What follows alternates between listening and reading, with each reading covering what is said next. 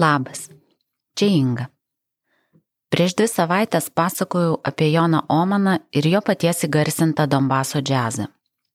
Pasakojau apie jau tada vykstantį karą, tik tada dar nežinojom, bent jau aš, kad jis tuo taip priartės. Tikiu, kad ir tu nerimauji bei tikriausia darai tai, ką manai esant tinkamiausia šiuo metu.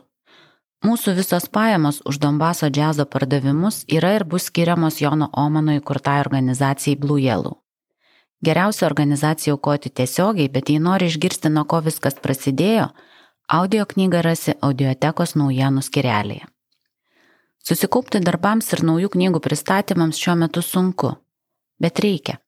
Praeitą ketvirtadienį Vilniaus knygų mūgės atidarimo metu jau nebepamenu, kas pacitavo Česlovo Milošo žodžius, užrašytus 1939 metais. Net jei rytoj pasaulio pabaiga, vis tiek laikas sodinti savo obelis.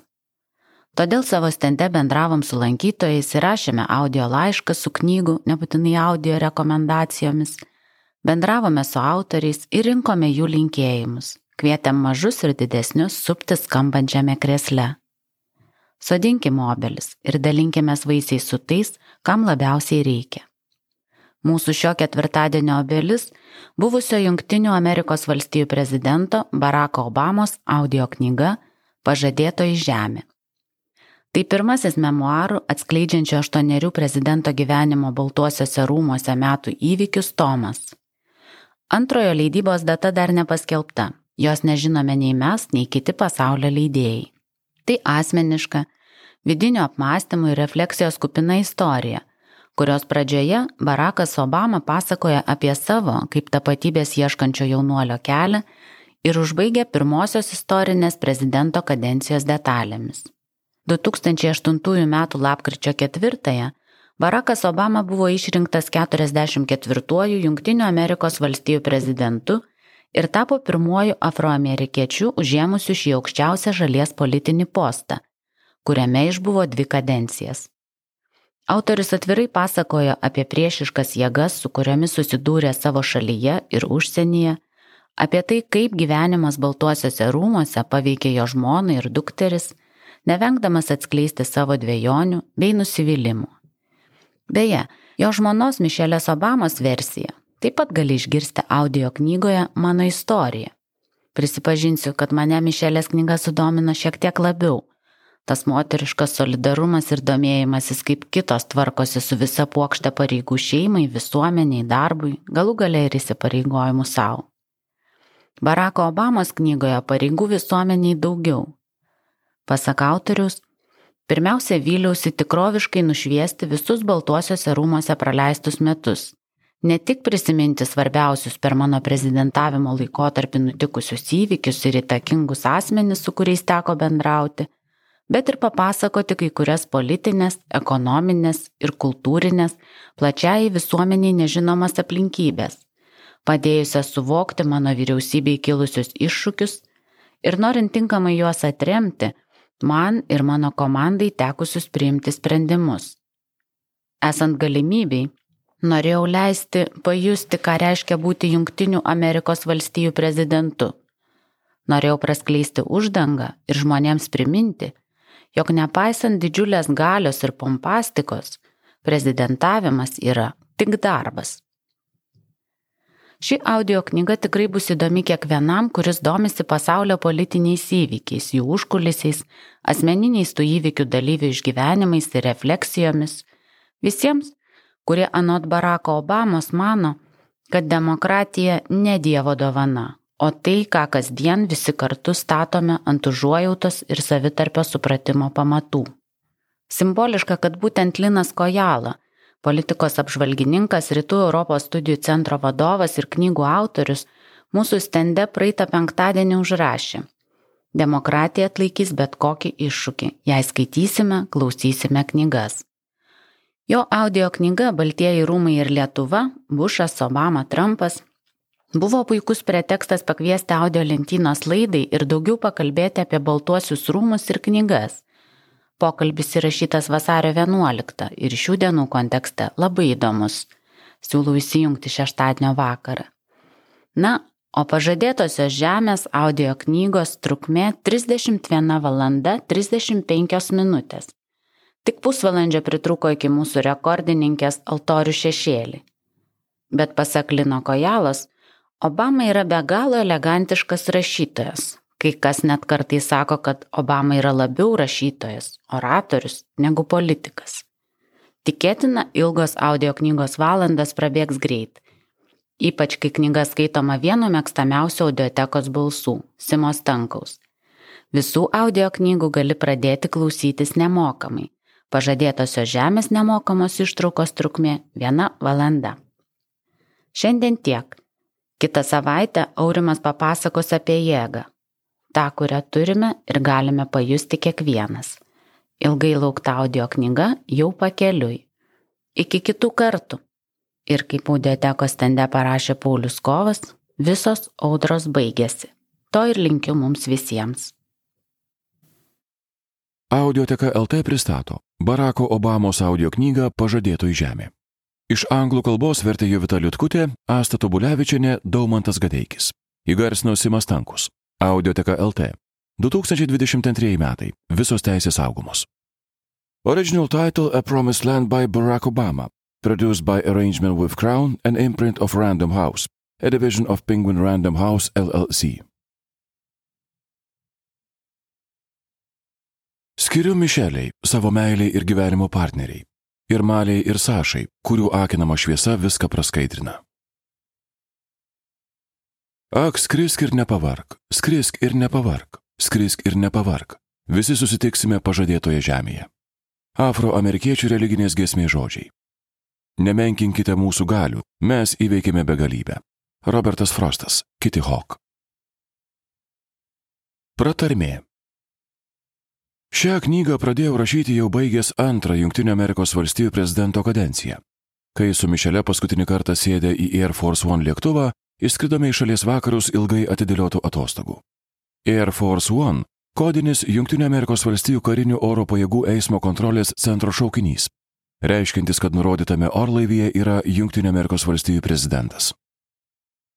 Mūsų nuotaikos buvo prieštaringos. Abu jautėmės fiziškai ir emociškai išsekinti ne tik aštuonerius pastarosius metus trukusio sunkaus darbo, bet ir netikėto rinkimų rezultato. Mano įpėdiniu tapo žmogus, be jokių išlygų atmetantis viską, už ką mes kovojame. Bet garbingai įveikę savo distanciją ir kirtę finišo liniją, vis tiek jautėmės patenkinti. Nežinojome, kad padarėme viską, ką galėjome ir kad dabar, nors man būnant prezidentu, nepavyko pasiekti kai kurių tikslų ir įgyvendinti projektų, kuriuos vyliausi pabaigti, šalies būklė buvo geresnė, nei man pradėjus eiti prezidento pareigas.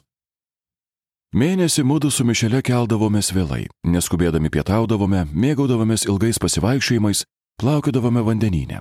Daug laiko skirdavome apmąstymams, stiprinome mūsų draugystę, iš naujo atradome savo meilę ir planavome tolesnį, netokį intensyvų, bet kaip tikėjomės, tiek pat pasitenkinimo teiksinti gyvenimą. Kai pasiruošęs grįžti prie darbo su rašikliu ir geltoną rašymui skirtą lentelę, vis dar mėgstu tekstą rašyti ranka, nes manau, kad kompiuterio monitoriaus ekrane net ir labiausiai suvelti mano juodrašiai atrodo pernelyg tvarkingi ir nebaigtoms glūdinti mintims suteikia tobulumo regimybę. Prisėdau prie stalo, jau buvau apgalvojęs ir susidėliojęs būsimos knygos metmenis. Pirmiausia, vyliausi tikroviškai nušviesti visus baltuosiuose rūmose praleistus metus. Ne tik prisiminti svarbiausius per mano prezidentavimo laikotarpį nutikusius įvykius ir įtakingus asmenys, su kuriais teko bendrauti, bet ir papasakoti kai kurias politinės, ekonominės ir kultūrinės plačiai visuomeniai nežinomas aplinkybės, padėjusias suvokti mano vyriausybė kilusius iššūkius ir norint tinkamai juos atremti, man ir mano komandai tekusius priimti sprendimus. Esant galimybei, norėjau leisti klausytojams pajusti, ką reiškia būti Junktinio Amerikos valstybių prezidentu. Norėjau praskleisti uždangą ir žmonėms priminti, jog nepaisant didžiulės galios ir pompastikos, prezidentavimas yra tik darbas. Mūsų federalinė vyriausybė - žmonių valdoma institucija, panaši į verslo įmonę. O baltuosiuose rūmose dirbantys vyrai ir moteris, kaip ir visi kiti mūsų šalies piliečiai, kasdien jaučiasi ir patenkinti, ir nusivylę, darbo vietose patiria ir tam tikrą trinti, ir nesėkmės, ir mažas pergalės. O svarbiausia, norėjau papasakoti asmeniškesnę istoriją, kuri įkvėptų jaunų žmonės susijęti savo gyvenimą su valstybės tarnyba ir kurioje atskleiščiau, kaip mano politinė karjera iš tiesų prasidėjo nuo savo vietos šiame pasaulyje paieškų. Kaip ji tapo savotišku atsakymu, paaiškinančiu skirtingas, bet ir neatsiemai susipynusias mano kilmės gyjas. Ir kaip tik prikabinus savo vagoną prie daugybę kartų mane pranokstančio visuomenės traukinio, man pagaliau pavyko rasti savo bendruomenę ir gyvenimo tikslą. Maniau, kad šią istoriją pavyks sudėti į 500 puslapių. Knygą vyliausi parašyti per vienus metus. Turiu pripažinti, kad rašymo procesas buvo ne visiškai toks, kokio tikėjausi. Mano ketinimai buvo patys geriausi, bet knygos apimtis nenumaldomai didėjo. Todėl netrukus nusprendžiau padalyti ją į du tomus. Taip pat puikiai suprantu, kad talentingesniam autoriui būtų pavykę tą pačią istoriją papasakoti trumpiau. Jolab, kad mano namų biuras Baltuosiuose rūmose buvo šalia Linkolno miegamojo, kuriame vitrinoje po stiklu saugoma 272 žodžių Getisbergo kalba su autoriaus autografu. Pastaba - Getisbergo kalba. 1863 m. lapkričio 19 d. vykstant Junktinių Amerikos valstijų pilietiniam karui Pensilvanijoje, Getisbergo nacionalinėse karių kapinėse prezidento Abrahamo Lincolno pasakyta kalba. Bet kas kart, kai įsitaisydavau prie darbo stalo rašyti teksto, nesvarbu ar ketindavau kalbėti apie savo rinkimų kampanijos pradžią, ar apie savo vyriausybės pastangas kovoti su finansų krize, ar apie dėrybą su Rusija dėl brandolinių ginklų kontrolės, ar apie jėgas paskatinusias arabų pavasarį, suprasdavau, kad mano sąmonė priešinasi įprastos chronologijos dėsniams pavaldžiam pasakojimui. Dažnai jausdavau pareigą paaiškinti kontekstą, kuriame man ar mano aplinko žmonėms tekdavo priimti sprendimus ir nenorėjau jo nukelti į išnašas puslapio apačioje arba knygos pabaigoje. Nei vienų, nei kitų negaliu pakęsti. Patyriau ne visada galintis paaiškinti savo motyvus vien pateikę šūsnį ekonominių rodiklių arba prisiminęs trumpą, bet varginantį pasitarimą ovalinėme kabinete. Nes jų formavimui turėjo įtakos pokalbis per rinkimų kampaniją tarp manęs ir visiškai nepažįstamo žmogaus. Mano apsilankimas karo ligoninėje arba vaikystėje prieš daugybę metų iš mamos gauta pamoka. Atmintyje iškildavo rodės atsitiktinės smulkmenos. Kaip vakare ieškojau nuošalesnės vietelės, kurioje galėčiau parūkyti. Kaip su savo darbuotojais Air Force One lėktuve juokėmės loždami kortomis. Per tuos aštuonerius metus Baltuosiuose rūmose mano gyvenimo patirtį atskleisdavusios taip, kaip nebūtų atskleidę jokie oficialūs dokumentai. Nesitikėjau, kad man bus taip sunku rašyti. Bet labiausiai mane nustebino tas, kas vyko per trejus su pusę metų po paskutinio mano skrydžio Air Force One lėktuvu. Dabar man sėdint prie rašomojo stalo, šalis vis dar yra pasaulinės pandemijos ir pastarąją lydinčios ekonominės krizės gniauštuose. Per 178 tūkstančius amerikiečių mirė, verslai žlunga ir milijonai žmonių netenka darbo. Visoje šalyje įvairiems visuomenės sluoksniams priklausantis piliečiai išėjo į gatves protestuoti dėl policijos nužudytų beginklių juododžių vyrų ir moterų. Ko gero didžiausia nerima kelia tai, kad mūsų demokratija rodos visiškai priartėjo prie krizės, kurios ištakos lypi principinėje kovoje tarp dviejų priešingų vizijų - kokia Amerika yra ir kokia ji turėtų būti. Prie krizės suskaldžiusios visuomenę, sukėlusios jos pyktį, sužadinusios nepasitikėjimą ir leidusios vis dažniau ir įžuliau nepaisyti visuotinai primtinų normų bei įstatymų reglamentuotų procedūrų ir nepripažinti pagrindinių faktų, kadaise savaime suprantamų ir respublikonams, ir demokratams. Žinoma, ši kova nėra nauja. Ji įvairiais aspektais nusako amerikiečių patirtį. Ji atsispindi ir steigiamuosiuose dokumentuose, kuriuose vienu metu skelbiama ir kad visi piliečiai yra lygus, ir kad vergas tik trimis penktadaliais laikoma žmogumi. Šios kovos pėdsakų matyti ir pirmosiuose mūsų teismų sprendimuose, kai vyriausiasis aukščiausio teismo teisėjas be užuolankų paaiškina Amerikos indienams, kad jų genties teisė perduoti turtą nebus realizuota nes užkariautojų teismas negali pripažinti teisėtų pavergtos genties reikalavimų.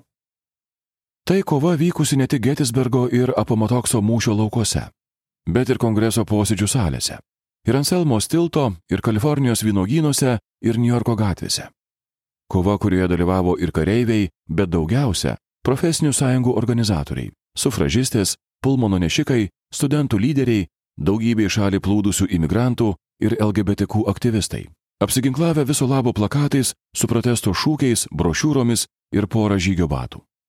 Šios jau labai ilgai vykstančios kovos esmė yra paprastas klausimas. Ar mums svarbu, kad Amerikos tikrovė atitiktų šalies idealus? Jei taip, ar tikrai tikime, kad tokios mūsų vartojamos savokos kaip savivalda, asmens laisvė, lygios galimybės ir lygybė prieš įstatymą turi galioti visiems. O gal vis dėlto esame linkę, jei ne pagal įstatymų raidę, tai bent praktiškai, šias teises pasilikti saujeliai privilegijuotųjų. Sutinku, yra manančių, kad pats laikas sugriauti šį mitą, kad susipažinus su Amerikos praeitimi ir bent žvilgtelėjus į dienraščių pirmosiuose puslapiuose publikuojamų straipsnių antraštės, aiškiai matyti šios tautos apsisprendimas idealus aukoti dėl siekio užkariauti ir pavergti. Dėl rasinių pagrindų susiformavusios kastų sistemos ir dėl groboniško kapitalizmo. Ir kad apsimesti, jog yra kitaip tolygų dalyvauti žaidime, kuris nuo pat pradžių nebuvo sažiningas. Prisipažįstu, jog rašant šią knygą, prisimenu savo prezidentavimo metus ir viską, kas vyko vėliau, buvo akimirkų, kai turėjau savęs paklausti, ar ne per daug santūriai reikšdavau savo požiūrį. Ar kalbėdamas ir veikdamas nebuvau pernelyg atsargus, mat buvau tikras, kad jei pažadinsiu žmonėms tai, ką Lincolnas vadino geraisiais mūsų prigimties angelais, turėsiu didesnę galimybę vesti mus į tokią Ameriką, kokia mums buvo pažadėta. Nežinau. Kol kas nebejodamas galiu pasakyti tik vieną - nesijaučiu pasiruošęs atsisakyti kitokios Amerikos vizijos. Ne tik dėl būsimų amerikiečių kartų, bet ir dėl visos žmonijos. Aš įsitikinęs, kad dabar mūsų užgriuvusi pandemija kartu ir patvirtina ir laikinai stabdo ryštingą mūsų žygį į visiškai integruotą pasaulį, kuriame neišvengiamai susidurs skirtingos tautos ir kultūros. Šiame globalių tiekimo grandinių, spartaus kapitalo judėjimo, socialinių tinklų, tarptautinių teroristų grupuočių, klimato kaitos, masinės migracijos ir vis sudėtingesnės kasdienybės pasaulyje turėsime išmokti gyventi drauge, bendradarbiauti, gerbti vieni kitų orumą, nes kitaip pražūsime. Visų žvilgsniai krypsta į Ameriką, vienintelę didžiąją valstybę pasaulio istorijoje, kurioje gyvena įvairių rasių, tikėjimo ir kultūros žmonės, atvykę iš visų planetos kampelių. Nes pasaulis nori žinoti, ar šis demokratijos eksperimentas bus sėkmingas. Jis nori žinoti, ar mums pavyks padaryti tai, ko niekada dar nepadarė nie viena kita tauta. Jis nori žinoti, ar tikrai galime įgyvendinti savo idėjas. Atsakymų dar nėra. Pirmas šios knygos tomas pasirodys jau po valstijų prezidento rinkimų. Ir tikiu, kad jų kaina didžiulė, bet žinau, kad vieni rinkimai negali išspręsti visų problemų. Neprarandu vilties, nes išmokau tikėti savo šalies piliečiais, ypač priklausančiais jaunai kartai, besilaikančiais rodos jau į kraują jiems jaugusio požiūrio, kad visi žmonės yra lygus, ir atkakliai siekiančiais įgyvendinti principus, kuriuos jų tėvai ir mokytojai skelbė esant teisingus bet kuriais patys ko gero nelabai tikėjo. Tad ši knyga pirmiausia skiriama jaunimui. Kviečia juos dar kartą perkurti pasaulį ir siekti sunkiai dirbant, neprarandant ryšto ir pasitelkus vaizduotę, kad Amerika pagaliau įkūnytų geriausias kiekvieno iš mūsų savybės. 2020 rūpjūtis. Pirma dalis - lažybos. Pirmas skyrius. Iš visų Baltųjų rūmų komplekso ir prie jų esančio žemės sklypo, iš visų kambarių, salių ir sudėdėmėsi traukiančių objektų, man labiausiai patiko vakarinė kolonada. Aštuonerius metus šis kelias buvo neatskiriama mano darbo dienos dalis - kelionė griname ore iš namų į biurą ir atgal. Čia kas rytą pajusdavau pirmą žiemos vėjo gūsį arba pulsuojantį vasaros karščių dvelgsmą.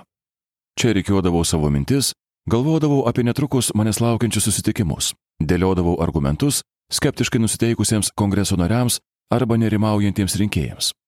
Kaupdavausi kokiam nors sprendimui arba palengva artėjančiai kriziai. Baltųjų rūmų istorijos pradžioje prezidento kanceliarija ir pirmosios poros gyvenamosios patalpos tilpo po vienu stogu, o vakarinė kolonada buvo tik takas į Erklidės. Bet prezidentu tapęs Tedis Rooseveltas nusprendė, kad viename pastate niekaip netilps naujoviška prezidento komanda. Šeši išdykę vaikai ir taip gyvenant nepavyks išsaugoti sveiko proto. Jo nurodymu iškilęs priestatas ilgainiui imtas vadinti vakarų sparnu ir jame yra ovalinis kabinetas. O per kelis dešimtmečius, čia gyvenant ir dirbant kitiems prezidentams, kolonada įgyjo dabartinį pavydalą ir iš šiaurės bei vakarų tarsi suskliaudė rožių sodą. Šiaurinėje pusėje dunkso stora nebili ir kukli siena, puošiama tik aukštų pusminulio formos langų.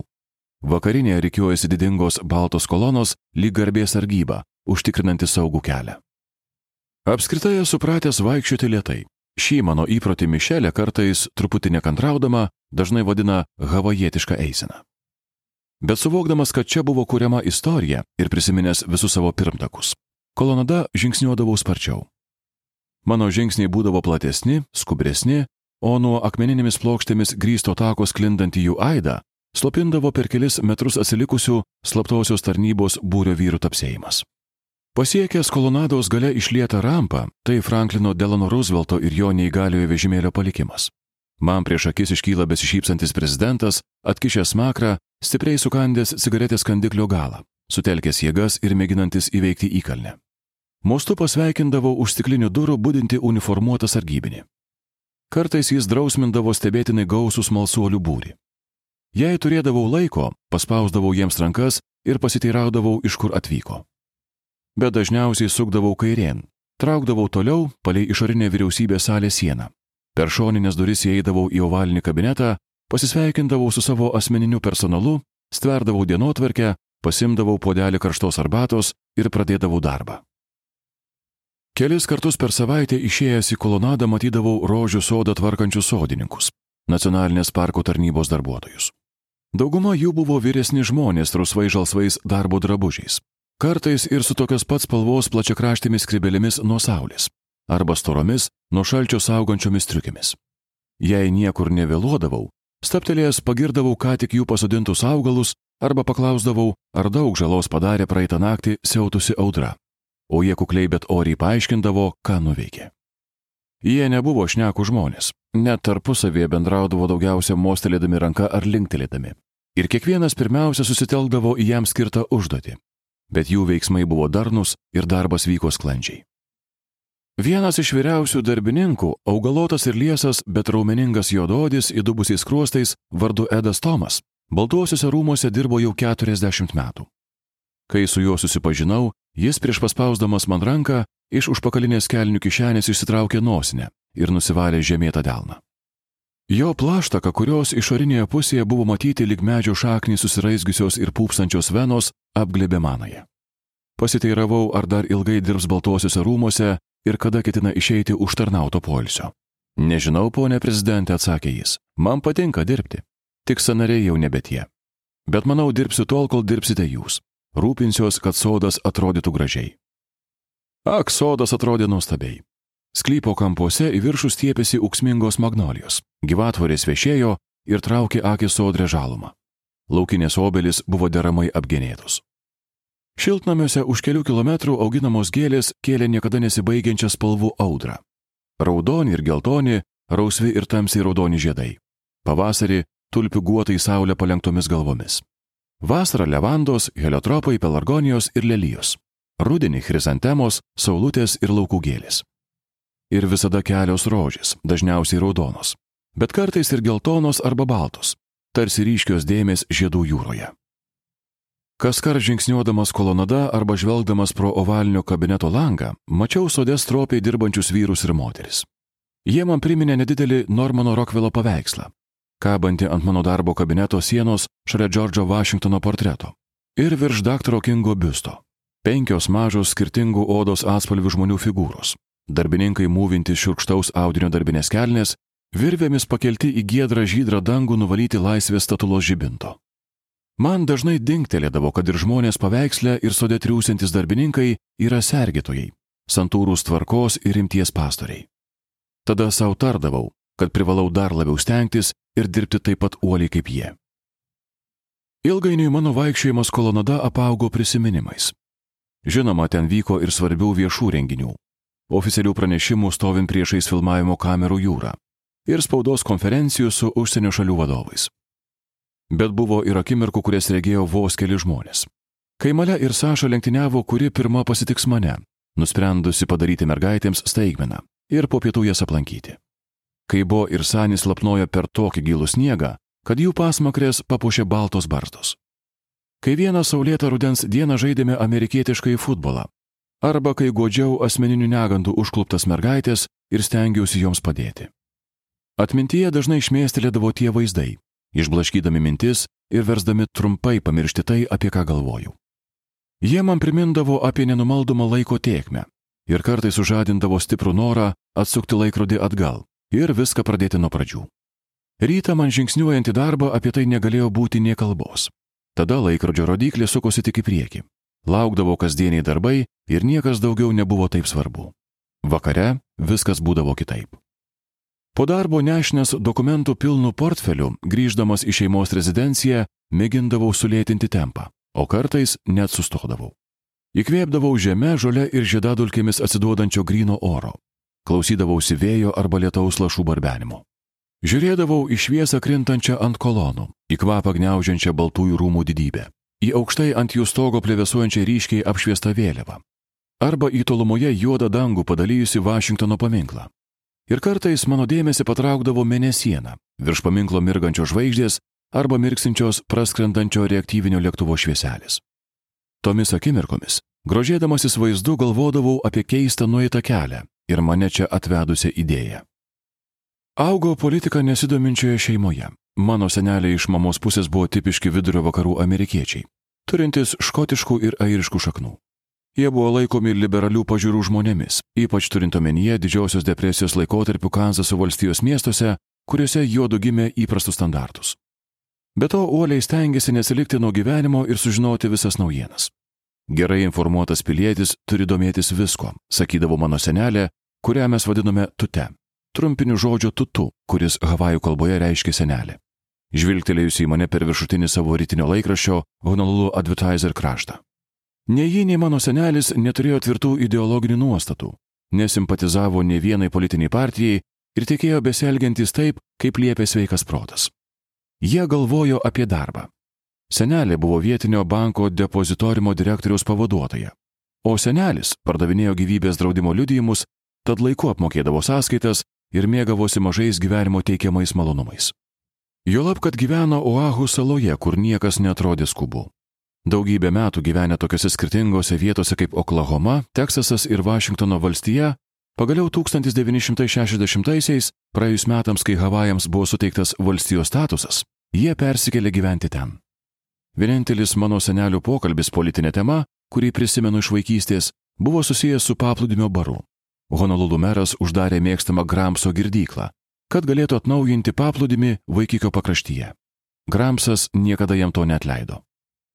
Mano mama Ann Dunham buvo kitokia ir apie viską turėjo tvirtą nuomonę. Ji buvo vienturtė duktė ir vidurinėje mokykloje priešinusi nusistovėjusiai tvarkai. Skaitė bitnikų poetus ir prancūzų egzistencialistus. O kartą niekam nesakiusi, kelioms dienoms su draugu iškūrė svetimų automobiliu į San Franciską. Vaikystėje iš jos ir sužinojau apie protesto eisenas už pilietinės teisės. Ir kodėl Vietnamo karas dėl beviltiškai prasto vadovavimo tapo tikra katastrofa. Apie moterų judėjimą. Taip vienodam atlygiui ir netaip entuziastingai pritarima minčiai neskusti želinčių kojų plaukelių, bei karą su skurdu. Taip neoficialiai vadinamas įstatymas, apie kurį savo metinėme pranešime valstijų kongrese pirmasis prabilo prezidentas Lindonas B. Johnsonas reaguodamas į skurdo lygį šalyje, tuo metu siekusi 19 procentų. Kai persikėlėme į Indoneziją gyventi su mano patėviu, mama nepamiršo man atskleisti korumpuotos valdžios nuodėmių. Jie tiesiog vagė barį, nors visi regis darė tą patį. Vėliau tą vasarą, kai man sukako 12, mums išsiruošus mėnesio trukmės šeimos atostogų ir keliaujant po Junktinės valstijas, ji užsispyrė, kad kiekvieną vakarą žiūrėtume per televiziją Watergate bylos teismo posėdžius o ji trumpai jos komentuodavo, ko daugiau tikėtis iš makarčio šalininkų. Bet mama domėjosi toli gražu ne vien laikraščių antraštėmis. Kartą sužinojusi, kad mokykloje draugė su grupelė kitų paauglių priekabiauju prie vieno bendramokslio ir iš jo tyčiojasi, ji nusivylusi stipriai sučiaupė lūpas. Žinai, Bari, tarė N. Vaikystėje ji ir seneliai dažnai vadindavo mane bariu. Be to šią pravardę dažnai trumpindavo ir tardavo bar ar net beer, angliškai lokys. Pasaulyje netrūksta žmonių galvojančių vien apie save. Kad tik gautų ko nori, jiems nerūpi, kas nutiks kitiems. Jie žemina kitus norėdami pasijusti svarbus ir įtakingi. Bet yra ir tokių, kurie elgesi priešingai, geba įsivaizduoti, kaip turėtų jaustis kiti ir stengiasi jų neskaudinti. Taigi, kokiu žmogumi, žvelgdama man į akis, baigė pamokslą mama, norėtum būti? Pasijutau niekingas. Šis klausimas ilgai nedavė man ramybės, bet ji to ir norėjo. Mano mamos nuomonė, pasaulis teikia daugybę progų moralizuoti, bet negirdėjau, kad ji būtų įsitraukusi į kokią nors politinę veiklą. Kaip ir mano seneliai, į politinės platformas, doktrinas ir kraštutinumus ji žvelgė įtariai ir buvo linkusi savo vertybės reikšti mažesnėse gyvenimo drobėse. Pasaulis sudėtingas bari, todėl ir įdomus. Nusiminusi dėl karo pietričių Azijoje, ji ten praleis didžiąją savo gyvenimo dalį. Perims kalbą bei kultūrą ir sukurs mikropaskolų programą nepasiturintiems gerokai anksčiau, nei pasaulyje išpopuliarėjo ir tapo madingi mikrokreditai. Piktindamasi rasizmu, ji ne vieną, o du kartus ištekės už kitos rasės vyro. Ir dosniai darys savo rodos neišsenkančią meilę savo abiem rudaodžiams vaikams. Supykdyta moteriams primestų socialinių suvaržymų, jie išsiskirs su savo vyrais. Mat paaiškės, kad vienas pernelyg valdingas, o kitas beviltiškai nuvilintis.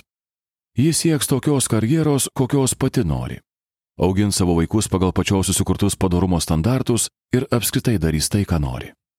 Mano mamos pasaulyje tarp asmeniškumo ir politikos nebuvo skirtumo, nors ši nuostata jai nedavė daug naudos. Tačiau tai nereiškia, kad ji neturėjo ambicijų dėl savo sunaus. Nors šeimos finansai buvo riboti, bet ji ir seneliai išsiuntė mane į privačią geriausią Havajuose Punahau mokyklą - ruošti studijoms koledže. Šeimoje net nekilo minties, kad galėčiau nestoti į koledžą. Bet niekas iš namiškių nie nepagalvojo, kad vieną gražią dieną užimsiu valstybinį postą. Jei tuomet kas nors būtų paklausęs mano mamos, ji veikiausiai būtų atsakiusi įsivaizduojanti mane, vadovaujant kokiai nors labdaros organizacijai, pavyzdžiui, Fordo fondui.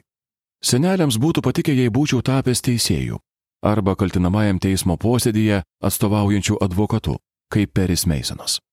Ten savo iškalbą galėtų ko nors pasiekti, sakydavo Gramsas. Tėvo nepažinojau, tad jo įtaka buvo menka. Vieną ausimi buvau girdėjęs, kad anksčiau jis dirbo Kenijos vyriausybėje. O kai sulaukiau dešimties metų, jis atvyko iš Kenijos ir mėnesį praleido su mumis Honolulu. Tai buvo pirmas ir paskutinis mudviejų susitikimas. Mat po šio vizito tėvo man primindavo tik retai gaunami laiškai. Parašyti ant plono melsvo specialaus oro pašto popieriaus lapo. Išspausdinto taip, kad jį būtų galima sulankstyti, užrašyti adresą ir siūsti be voko. Tavo mama sako, kad galbūt nori studijuoti architektūrą, rašė jis viename laiške. Manau, tai labai praktiška profesija ir ją galima verstis visame pasaulyje. Tik tiek. Kalbant apie visuomeninius mano interesus, žvelgdami į mane paauglystės metais, žmonės matydavo nebrestantį lyderį, o veikiau gana apatišką ir nemandagų mokinį, aistringą bet ribotų gabumų krepšininką ir nenuilstantį ištikimą vakarėlių dalyvį. Ne man mokinių atstovybė. Ne mano aukščiausias skautų rangas Eagle ar praktika vietinio kongreso nario biure. Kol mokiausi vidurinėje mokykloje, su draugais kalbėdavomės apie sportą, merginas, muziką ir išgertuvių planus. Retai apie ką nors kitą. Trys iš tų vaikinų - Bobis Titkombas, Gregas Ormis ir Maikas Ramosas - vis dar yra vieni iš artimiausių mano draugų. Ir šiandien galime kelias valandas juoktis prisiminę istorijas iš prašvaistytos ankstyvos savo jaunystės. Vėliau šie vyrai nuoširdžiai ir taip ištikimai, kad visada būsiu jiems už tai dėkingas, prisidės prie mano rinkimų kampanijų. Ir įgus ginti mano reputaciją neprašiau už MSNBC televizijos žinių kanalo darbuotojus. Bet mano prezidentavimo metais taip pat buvo akimirkų, kai tarkime matydami mane rėžianti kalbą didžiuliai miniai, arba besilankantį karinio jūrų laivyno bazėje ir drausmingai garsiai sveikinama jaunų jūrų pėstininkų, jie sprendžiant iš veido išaiškos atrodydavo gerokai sutrikę lyg būtų mėginę suvokti, kad šis žilti pradedantis vyras su kostiumu bei kaklaraišiu ir kadaise jų pažinotas niekam tikęs jaunuolis, tas pats asmuo. Tas vyrukas, veikiausiai stebėjosi jie. Po galais, kaip tai nutiko? Jei mano bičiuliai būtų manęs to paklausę, nežinau, ar būčiau radęs gerą atsakymą. Užtat tikrai žinau, kad dar mokydamasis vidurinėje mokykloje pats ėmiau klausinėti, kodėl šalia nėra tėvo, kodėl mama pasirinko tą, o ne kitą kelią. Ir kaip nutiko, kad gyvenu vietovėje, kurioje vos vienas kitas žmogus atrodo taip kaip aš? Man kilo daugybė rasinių klausimų. Kodėl juodaodžiai tampa profesionaliais krepšininkais, bet ne krepšinio treneriais? Ką turėjo omenyje bendramokslė sakydama, kad negalvoja apie mane kaip apie juodaodį? Kodėl veiksmo seriale Purvinasis Haris visi juodaodžiai, spiruokliniais peiliais apsiginklavę prietrankos, išskyrus vieną padorų vyruką, žinoma jų talkininką, kuris filmui baigiantis visada žūsta. Bet man rūpėjo ne tik rasė. Domėjausi ir visuomenės sluoksniais. Augdamas Indonezijoje, mačiau tarp turtingųjų elito ir nepasiturinčios daugumos žiojančią prarąją. pradėjau suvokti, kad ir mano tėvo šalyje santykiai tarp genčių yra įtempti. Kad iš pirmo žvilgsnio vienodai atrodantys žmonės taip pat gali vieni kitų nekesti. Kasdien regėjau gana suvaržytą savo senelių gyvenimą ir mėginimą pamiršti nusivylimus žiūrint televiziją, išlenkiant vieną kitą taurelę arba kartais įsigijant kokį nors naują būtinį prietaisą arba automobilį. Atkreipiau dėmesį, kad už intelektualinę laisvę mano mama mokėjo, nuolat stengdamasi sudurti galą su galu. Ir kartais panirdama į asmeninio gyvenimo sumaištį. Ir ilgainiui pripratau prie parengiamojoje mokykloje tarp bendramokslių egzistuojančios aiškios hierarchijos, sudaromos pagal tai, kiek pinigų turi jų tėvai. Be to mane trikdė tai, kad peštukams, sukčiams ir pagirūnams gyvenime regis puikiai sekėsi nors mano mama tvirtino kitaip. O tuos, kuriuos ji laikė gerais ir padoriai žmonėmis, dažnai ištikdavo liūdnas likimas. Visą tai mano sąmonėje kėlė prieštaravimus ir jų niekaip negalėjau suderinti. Rodės vien dėl keistos savo kilmės ir priklausomybės dviem skirtingiems pasauliams, atėjau čia iš visur ir iš niekur. Esu tarpusavėje nederančių elementų rinkinys - savotiškas ančiasnapis arba koks nors fantastinis gyvūnas, priverstas tenkintis nepatikimą buveinę ir nuolat abejojantis, kur jo vieta. Jaučiau, kad jei nepavyks iki galo perprasti ir įsisamoninti visų kodėl ir kaip, jei nepasirūpinsiu, kad mano gyvenimas būtų vientisas ir turėtų tvirtą atraminę ašį, prie kurios raščiau savo vietos, gali tekti nugyventi blankų, vienišą gyvenimą. Nesikalbėjau apie tai su niekuo, juolab su draugais ar šeimos nariais. Nenorėjau nei jų skaudinti, nei dar labiau išsiskirti iš kitų. Paguodą radau knygose. Įprotį skaityti ankstyvoje vaikystėje man išūkdė mama. Šio genialaus sprendimo jį griebdavosi, kai imdavau skūstis nuoboduliu arba kai Indonezijoje neturėjo lėšų išsiųsti manęs į tartautinę mokyklą. Arba kai man tekdavo kartu su jie keliauti į darbą, nes ji neturėjo nusamdžiusi auklės. Eik paskaityk knygą, sakydavo. Paskui ateis ir papasakosi, ką sužinojai. Keliarius metus gyvenau su seneliais Havajuose, o mama dirbo Indonezijoje ir augino mano jaunesnę seserį Mają. Mamai nesant šalia ir nuolat neraginant manęs uoliai dirbti, tiek daug nesimokiau, nes pažymiai ir tai buvo geri. Paskui maždaug dešimtoje klasėje viskas pasikeitė. Pamenu kartą su seneliais nuėjau į kitoje gatvės pusėje, tiesiai priešais mūsų daugiabutį, prie centrinės vieningosios bažnyčios esančią priekyvietę, kur išparduodami naudoti daiktai ir sustojau prie dėžės senų knygų kietais viršeliais. Pastaba. Centrinė vieningoji bažnyčia tai bažnyčia vienijanti skirtingų tikėjimų žmonės ir būrinti juos į vieną parapiją. Nežinia kodėl, bet ėmiau traukti knygas, kurių pavadinimai man patiko arba buvo lik ir girdėti. Ralfo Ellisono ir Lankstono Hugheso, Roberto Penovorino ir Dostojevskio, D.H. Lorenzo ir Alfo Waldo Emersono kūrinius. Kai nešinas dėžė knygų prieėjau prie naudotas golfo lasdas apžiūrinėjusio Gramso, jis suglumęs dėptelėjo į mane ir paklausė: Ketini atidaryti biblioteką? Senelė paskubomis jį nutildė. Mat netikėtas mano susidomėjimas literatūra jai labai patiko. Ji visada buvo praktiška, tad pasiteiravo, ar prieš nerdamas į nusikaltimą ir bausmę nenorėčiau atlikti mokykloje gautų užduočių. Perskaičiau visas tas knygas. Kartais skaitydavau vėlai vakare, grįžęs namo po krepšinio treniruotės ir su draugais išgėręs šešių skardinių pakuotę alaus.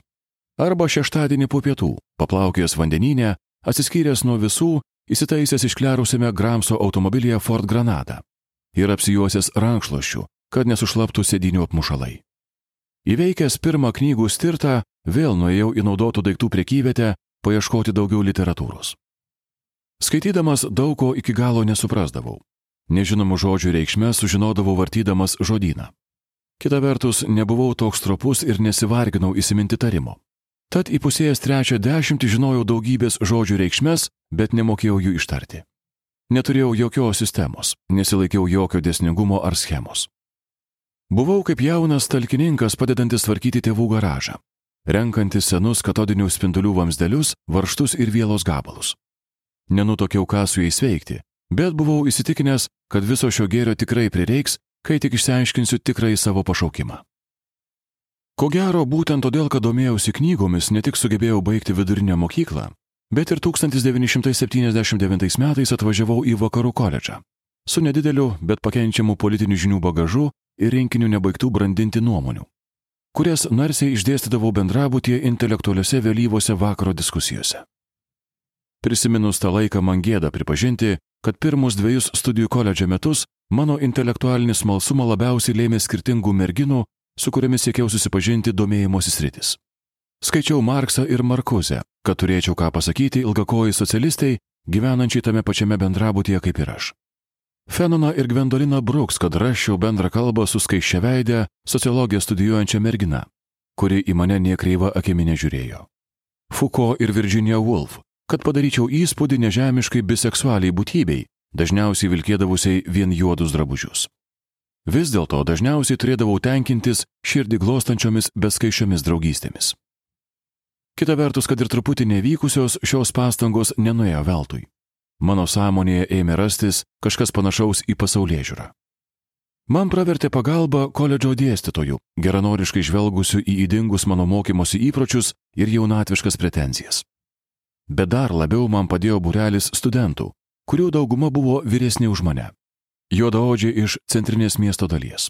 Baltaodžiai jaunuoliai užaugę mažose miesteliuose, nagais ir dantimis prasiskynė kelią į koledžą. Atvykėliai iš Centrinės ir Pietų Amerikos valstybių.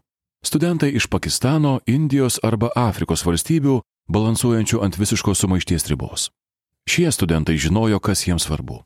Kai per paskaitą prabildavo, būdavo aišku kaip diena, kad jų pažiūrų ištakos konkrečiose bendruomenėse ir savo kailių patirtose gyvenimo kovose. Štai ką šie biudžeto karpimai reiškia mūsų rajono žmonėms. Prieš skūsdamėsi pozityvęją diskriminaciją, leiskite man jums papasakoti apie savo mokyklą. Pirmoji konstitucijos pataisa puikiai. Tik kodėl valstijų vyriausybė nekalba apie politinius kalinius mano šalyje? Pastaba - pozityvioji diskriminacija - affirmative action. Pozityviaja diskriminacija iš pradžių vadinta politika draudžianti diskriminaciją dėl rasės, kilmės, odos spalvos ir tautybės. Ilgainiui taip imta vadinti politika siekianti padėti žmonėms, priklausantiems menkai atstovaujamoms ir mažesnės galimybės gyvenime turinčioms visuomenės grupėms anksčiau kentusioms diskriminacijas rytise, kurios susijusios su išsilavinimu, galimybė įsidarbinti ir apsirūpinti būstų. Per dviejus vakarų koledžą praleistus metus prasidėjo mano politinis nubudimas, bet tai nereiškia, kad ėmiau tikėti politiką. Per nelik didelių lūkesčių nepuoselėjau ir visa, kas buvo susijęs su politikais, man atrodė įtartina. Plaukų džiovintuvu išdžiovinti plaukai, plėšūniškos šypsenos, kartojamos klišės užkalbėti rinkėjų dantims ir savireklama televizijoje o už uždarų durų jie buvo aktoriai purviname žaidime, kuriame aš nenorėjau dalyvauti. Susidomėjau platesnė ir netokia įprasta veikla.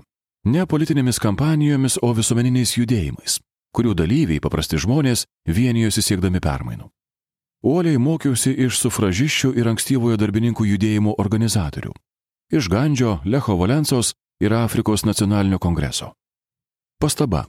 Afrikos nacionalinis kongresas Pietų Afrikos Respublikos centro kairės demokratinio socializmo ideologijos politinė partija, valdanti šalį nuo 1994 metų.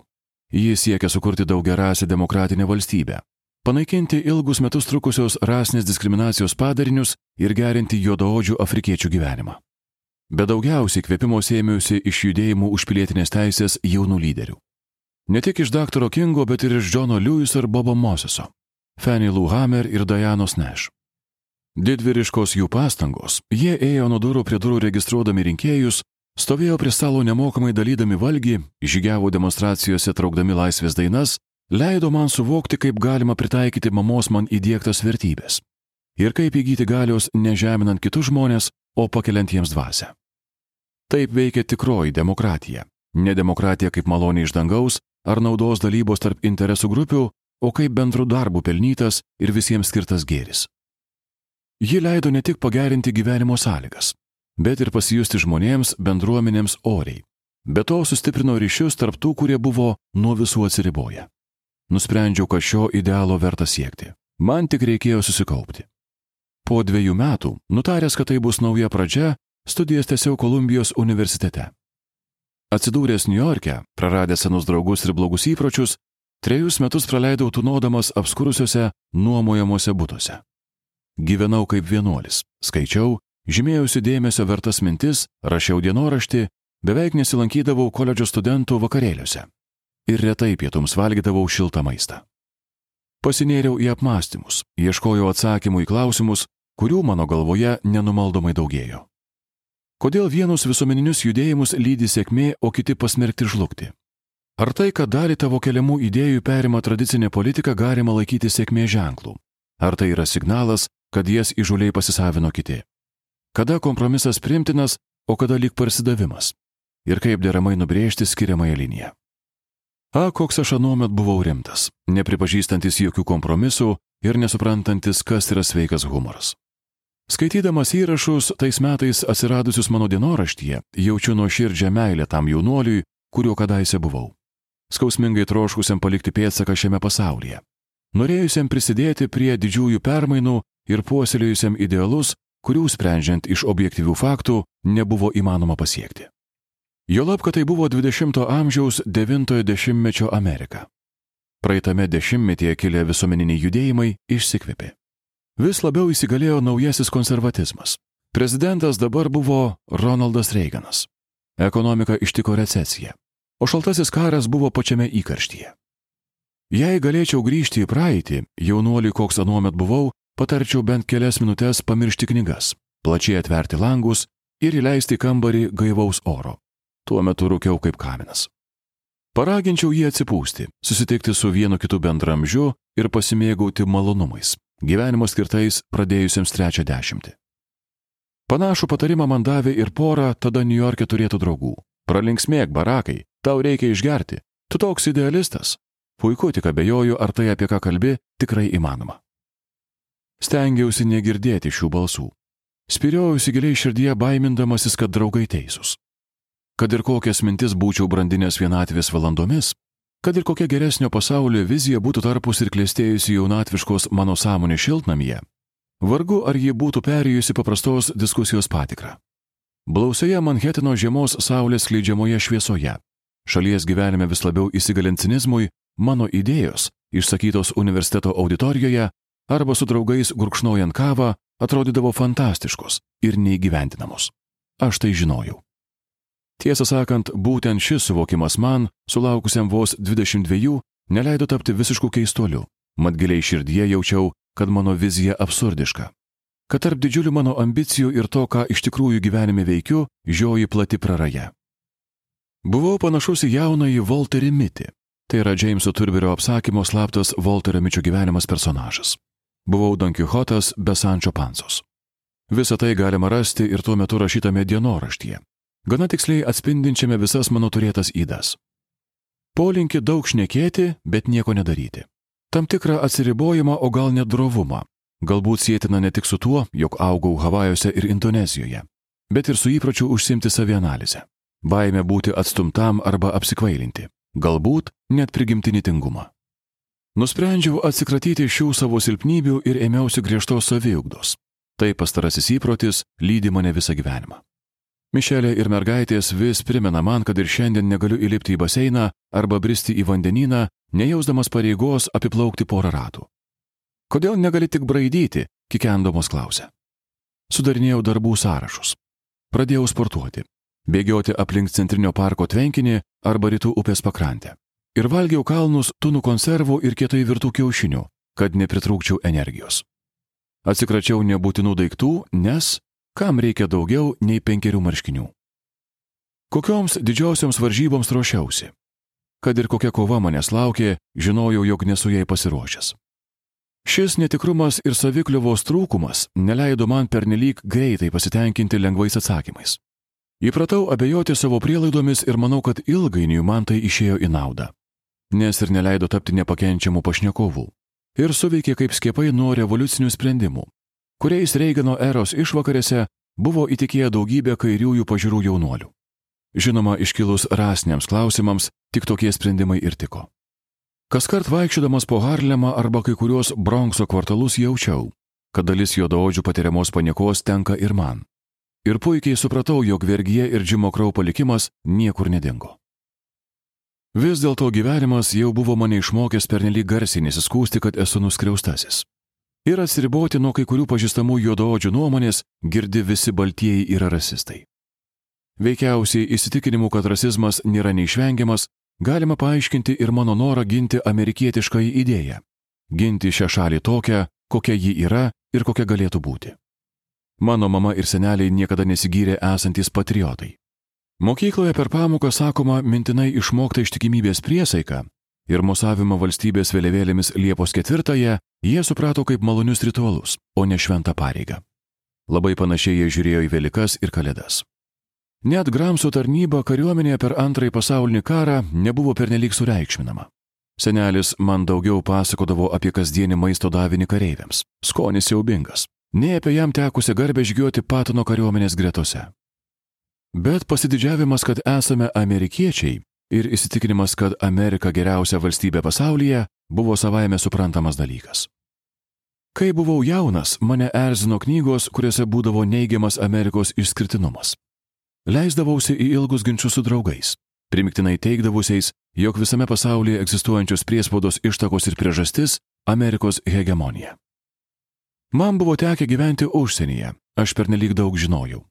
Noriai pritariau, kad Amerikai nuolat trūksta idealų. Nestojau mūrų už mokyklose dėstoma Junktinių valstijų istorijos versija, kurioje vergija buvo gerokai sumenkinta, o apie Amerikos indienų genocidą beveik neužsimenama. Be to dairiškas naudojimasis karinė gale, tarptautinių koncernų godumas. Taip, taip, aš to neneigiu. Bet Amerikos idėja, Amerikos pažadas, jų laikiausi taip atkakliai, kad pats stebėjausi. Laikome akivaizdžia tiesa, kad visi žmonės gimsta lygus. Štai kokia buvo mano Amerika. Amerika, apie kurią rašė Tokevilis, Vitmano ir Toro kaimai, kuriuose niekas nebuvo nei prastesnis, nei geresnis už mane. Į vakarus ieškoti sotesnio gyvenimo traukusių pionierių ir Ellis Islandė išsilaipinusių, laisvės troškusių imigrantų Ameriką.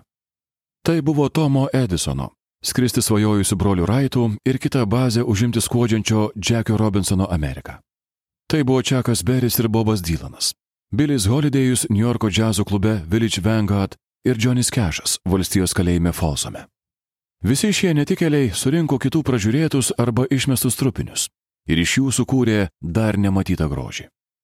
Tai buvo Lincolno rėžiančio kalba Getisberge, Džeinės Adams triūsiančios Čikagos bendruomenės namuose, Junktinė Amerikos valstijų kareivių Normandijoje ir daktaro Kingo ant Lincolno memorialo laiptų drąsnančio kitus ir save Ameriką. Tai buvo konstitucija ir teisų bilis, parašyti įdų turinčių, bet vis tiek puikių mąstytojų, sugalvojusių kaip sukurti tvirtą, bet kartu ir lankščią sistemą. Pastaba. Žodžiai iš valstijų nepriklausomybės deklaracijos. Teisų bilis Dešimt pirmųjų Junktinių Amerikos valstijų 1787 m. konstitucijos pataisų. Amerika galinti paaiškinti mane. Svajok toliau, barakai. Į mano išdėstytus argumentus dažniausiai atsakydavo koledžo draugai. Kai koks nors pasipūtęs niekšelis man prieš nosį ant stalo tėkždavo laikraštį su antraštėmis pirmajame puslapyje, skelbiančiomis apie karinę Junktinių Amerikos valstijų invaziją Grenadą, apie panaikinimą programos turėjusios užtikrinti nemokamą mokinių maitinimą. Arba apie kokį nors kitą nemalonų įvykį. Atleisk, bet štai kokia ji - tavo Amerika. Tokia buvo mano padėtis 1983-aisiais baigus koledžą. Turėjau didžių idėjų, bet nenutokiau, ką veikti toliau. Neradau nei visuomeninių judėjimų, prie kurių galėčiau dėtis, nei nesavanaudžių sekti vertų lyderių. Tuometinius mano lūkesčius geriausiai atitiko vadinamoji bendruomenės organizavimo veikla. Darbas gatvėse telkiant paprastus žmonės ir padedant spręsti jų gyvenamoje aplinkoje kylančias būtinės problemas. Ilgai neužsibuvęs poroje man netikusių darbovečių New York'e, išgirdau apie galimybę Čikagoje dirbti su grupė bažnyčių, siekiančių sustiprinti bendruomenės, nukentėjusias uždarius plieno gamyklą. Nieko ypatinga, bet nuo ko nors reikėjo pradėti. Apie keliarius metus Čikagoje dirbtą bendruomenės organizavimo darbą rašiau ankstesnėje savo knygoje. Jodaudžių darbininkų gyvenamuose rajonuose, kuriuose praleidau daugiausia laiko, pasiektos pergalės būdavo menkos ir laikinos. Mano suburta bendruomenė buvo pernelyg menka žaidėja, kad padėtų žmonėms prisitaikyti prie permainų ne tik Čikagoje, bet ir kitose šalies miestuose. Smunkančios apdirbamosios pramonės, baltųjų traukimosi į priemeščius ir žemiausio, socialinės atskirties paliesto visuomenės sluoksnio gausėjimo. Nors naujai besiformuojanti aukštos kvalifikacijos protinį darbą dirbančių specialistų klasė ir skatino miesto centro modernizavimą bei vystimasi. Mano įtaka Čikagai buvo nikstamai maža. Užtat šis miestas iš esmės pakeitė mano asmenybę. Pirmiausia, buvau priverstas išlysti iš savo keuto. Užuot dėščius gyvenimo tiesas, teko klausytis ir išgirsti, kas žmonėms rūpi. Turėjau kviesti nepažįstamus žmonės, dėtis prie manęs ir vienyti siekiant išjudinti konkrečius projektus. Atnaujinti parką arba pašalinti socialiniuose būstuose vamzdžius dengianti asbestą. Arba pradėti mokiniams skirtą užklasinės veiklos programą. Patirtos nesėkmės išmokė mane atsitiesti, kad galėčiau toliau vienyti tuos, kurie manimi pasitikėjo. Dažnokai tekdavo pajusti, ką reiškia būti atstumtam ir kesti įžeidimus, todėl lioviausi jų bijojęs. Kitaip sakant, suaugau ir susigražinau įgimtą humoro jausmą. Pamėgau vyrus ir moteris, su kuriais dirbau. Vienišą mamą gyvenančią gerokai nuniokotame daugiabutyje ir nežinia kaip sugebėjusią visus keturis savo vaikus išleisti į koledžą. Airi pastorių kiekvieną vakarą plačiai atverianti bažnyčios duris, kad paaugliai turėtų kur ateiti ir nesidėtų prie gaujų. Atleista plieno gamyklos darbininką, grįžusi į mokyklos suolą, kad taptų socialiniu darbuotoju. Jų pasakojimai apie patirtus vargus ir kuklės pergalės tik dar labiau stiprino mano įsitikinimą, kad iš esmės žmonės yra geri. Žvelgdamas į juos mačiau pokyčius, vykstančius piliečiams ėmus reikalauti savo lyderių ir valdžios institucijų atsakomybės. Net jei tai buvo smulkmena. Ant judrių gatvių kampo pastatyti stop ženklą. Arba sulaukti daugiau policijos patrulių. Atkreipiau dėmesį, Kad supratę, jog jų balsas yra svarus, žmonės įgavo daugiau savikliovos ir ėmė visai kitaip į save žiūrėti. Jie padėjo atsakyti į seniai mane kamavusi rasinės tapatybės klausimą. Pasirodė, kad nebūtina gyventi kaip juodaodžiui, pakanka būti geru žmogumi. Jie man padėjo atrasti tikėjimo bendrumą ir suvokti, jog normalu yra abejoti, kelti klausimus ir vis tiek siekti idealų, kurie skiriasi nuo kasdienybės kaip diena ir naktis. Bažnyčių požemiuose ir vieno aukšto namų verandose nuolat girdėdamas kalbant apie tas pačias vertybės - sažiningumą, sunkų darbą ir užuojautą, kurias man buvo įskiepijusi mama ir seneliai, patikėjau visiems bendrais žmonės jungiančiais saitais. Kartais neatsispiriu pagundai pasvarstyti, kas būtų nutikę, jei būčiau likęs dirbti bendruomenės organizatoriumi arba ėmęsis kokio panašaus darbo. Kaip ir daugybei kitų per tuos metus mano sutiktų vietinės reikšmės didvirių, veikiausiai man būtų pavykę sukurti instituciją, gebančią pertvarkyti kurį nors rajoną arba net miesto dalį. Įsitvirtinęs bendruomenėje ir pasitelkęs vaizduotę, užgautas lėšas būčiau pakeitęs ne pasaulį, o tik vieną rajoną. Tik vieną būrį vaikų ir savo darbu kukliai, bet naudingai prisidėjęs prie kaimynų ir draugų gyvenimo. Bet išėjau iš to darbo išvažiavau studijuoti į Harvardo teisės mokyklą. Čia mano sąmonė ima neauktis, istorija darosi miglota ir mano motyvus galima interpretuoti įvairiai. Tuomet tariau savo ir vis dar mielai savo tai kartoju. Kad mečiau bendruomenės organizatoriaus darbą, nes man rodėsi, kad į priekį judu pernelyg lietai, kad esu per daug suvaržytas. Ir nors vyliausi, jog man pavyks, negaliu patenkinti žmonių poreikių. Rajono profesinio mokymo centras negalėjo pakeisti keletų tūkstančių darbo vietų, panaikinta uždarius plieno gamyklą. Užklasinės veiklos programa negalėjo kompensuoti praradimų patiriamų dėl nuolat nepakankamo mokyklų finansavimo, o vaikus auginantys seneliai negalėjo jiems atstoti kalėjime bausmę atliekančių tėvų. Kad ir kokį reikalą reikėdavo sutvarkyti, kaip į sieną atsitrenkdavome į visuomenės veikėją - politiką, valdininką arba nežinia kur sėdinti generalinį direktorių. Turinti galę viską išspręsti, bet nesiteikianti to daryti. O kai jis pagaliau nusileisdavo, dažniausiai jau būdavo per vėlų. Per vėlų. Mums trūko teisės formuoti biudžetą ir keisti politiką. Ši teisė priklausė kitiems. Negana to supratau, kad vos dviejais metais anksčiau nei atvykau į miestą, buvo kilęs visuomeninis ir politinis judėjimas už permainas Čikagoje. Plati ir galinga pilietinė iniciatyva, kurios tuomet deramai neįvertinau, nes ji netitiko mano teorijų. Dėl šio judėjimo sukeltos bangos Haroldas Vašingtonas buvo išrinktas pirmoji jododžių Čikagos meru. Susidarė įspūdis, kad šis visuomeninis ir politinis judėjimas radosi tuščioje vietoje. O rinkiminė Haroldo Vašingtono kampanija buvo tokia stichiška, kokio šilaikinėje politikoje dar niekas nebuvo matęs. Saujelė jodaodžių aktyvistų ir verslo lyderių, neapsikentę rasinių atžvilgių labiausiai susiskaldžiusiame Amerikos didmestyje, įsišaknyjusios diskriminacijos ir neligybės, nusprendė užregistruoti rekordinį skaičių rinkėjų. O tada iškėlė neprilygstamą talentą turinti, bet ne itin ambicingą apkūnų kongreso narį, kandidatu į postą, kuris atrodė nepasiekiamas. Niekas netikėjo, kad jam pavyks. Net pats Haroldas buvo nusiteikęs skeptiškai. Rinkimų kampanijai vykdyti nuolat trūko lėšų, štabe dirbo daugiausia nepatyrę savanoriai. Ir staiga kažkas nutiko. Tarsi variklis būtų gavęs kūro ir leidęs automobiliui įsibėgėti. Žmonės, kurie politika nesidomėjo ir niekada nebalsuodavo, nusprendė paremti šią iniciatyvą. Abiturientai ir žemesnių klasių mokiniai stojo į mėlynųjų pusę ir įsitraukė į rinkimų kampaniją. Visuotinis nenoras toliau taikstytis su nuolat besikaupiančiomis skriaudomis ir stiprėjančia nepagarba. Visi neteisėti policijos reikalavimai sustoti, aptrinti vadovėliai, visi tie kartai, kai juodaodžiai praeidami pro Nordside parko rajone įkurtą visuomeninį sporto centrą, atkreipdavo dėmesį, kad ten viskas daug gražiau nei jų gyvenamame kvartale. Visi tie kartai, kai afroamerikiečiai darbe nesulaukė paaukštinimo arba bankė negavo paskolos, susitelkė į didžiulį audros debesį ir užgriuvo miesto rotušę. Kai atvykau į Čikagą, Haroldas buvo įpusėjęs pirmą mero kadenciją. Miesto taryba, kurioje kadaise senasis Deilis tvarkėsi kaip savo namuose, pasidalijo į dvi rasinės stovyklas. Ir daugumą joje turėję baltaodžiai tarybos nariai blokavo visas Haroldo siūlomas reformas. Jis mėgino įsiteikti ir susitarti, tačiau daugumai priklausantis nariai nesileido į kalbas. Šie primityvūs, ko negentiniai nesutarimai patraukė televizijos dėmesį, bet apribojo Haroldo galimybę palengvinti gyvenimą tiems, kurie jį išrinko. Tik federaliniam teismui prieimus Haroldui palankų sprendimą ir perbraidžius rasinių atžvilgių suklastotą savivaldybės rinkimų žemėlapį, šis pagaliau užsitikrino daugumą ir išėjo iš aklavėtis. Bet taip ir nespėjęs įvykdyti daugybės žadėtų permainų, staiga patyrė širdies smūgį ir mirė.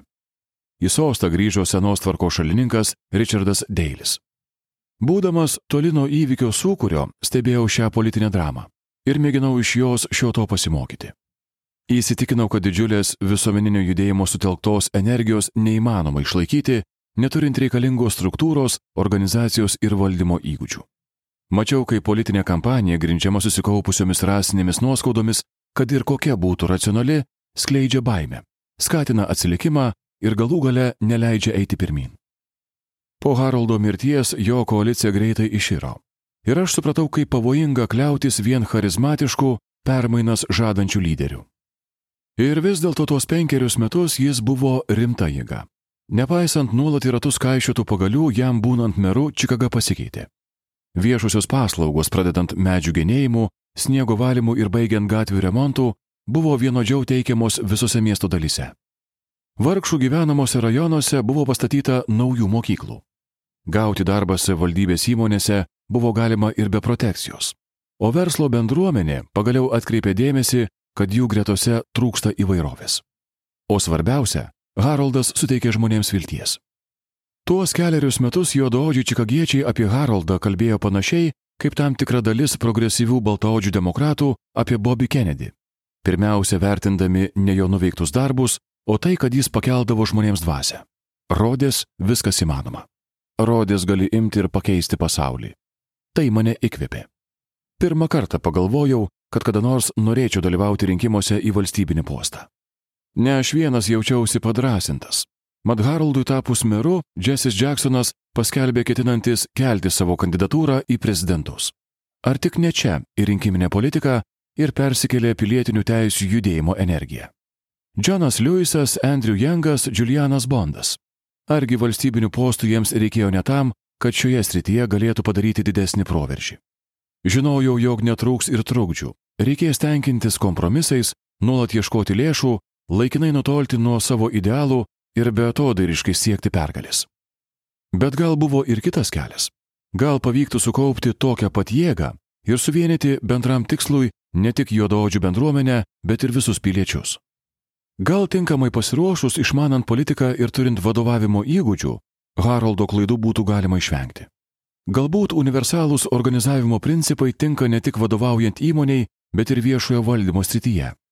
Gal jie gali paskatinti iki šiol užžybėje likdavusių žmonių pilietinį aktyvumą ir dalyvavimą visuomeninėme gyvenime. Mokant juos pasitikėti ir išrinktais lyderiais ir vienas kitu bei savimi. Štai ką nuolat savo kartojau. Bet tai dar ne viskas. Sprendžiau ir paprastesnius su asmeninėmis ambicijomis susijusius klausimus. Nors dirbdamas bendruomenės organizatoriumi nemažai išmokau, vis dar negalėjau pasigirti konkrečiais darbais. Net mama, kuri visada plaukdavo prieš srovę, ėmė dėl manęs nerimauti. Net nežinau, Bari, per vienas kalėdas prabilo mama. Gali visą gyvenimą dirbti nevalstybinėse institucijose.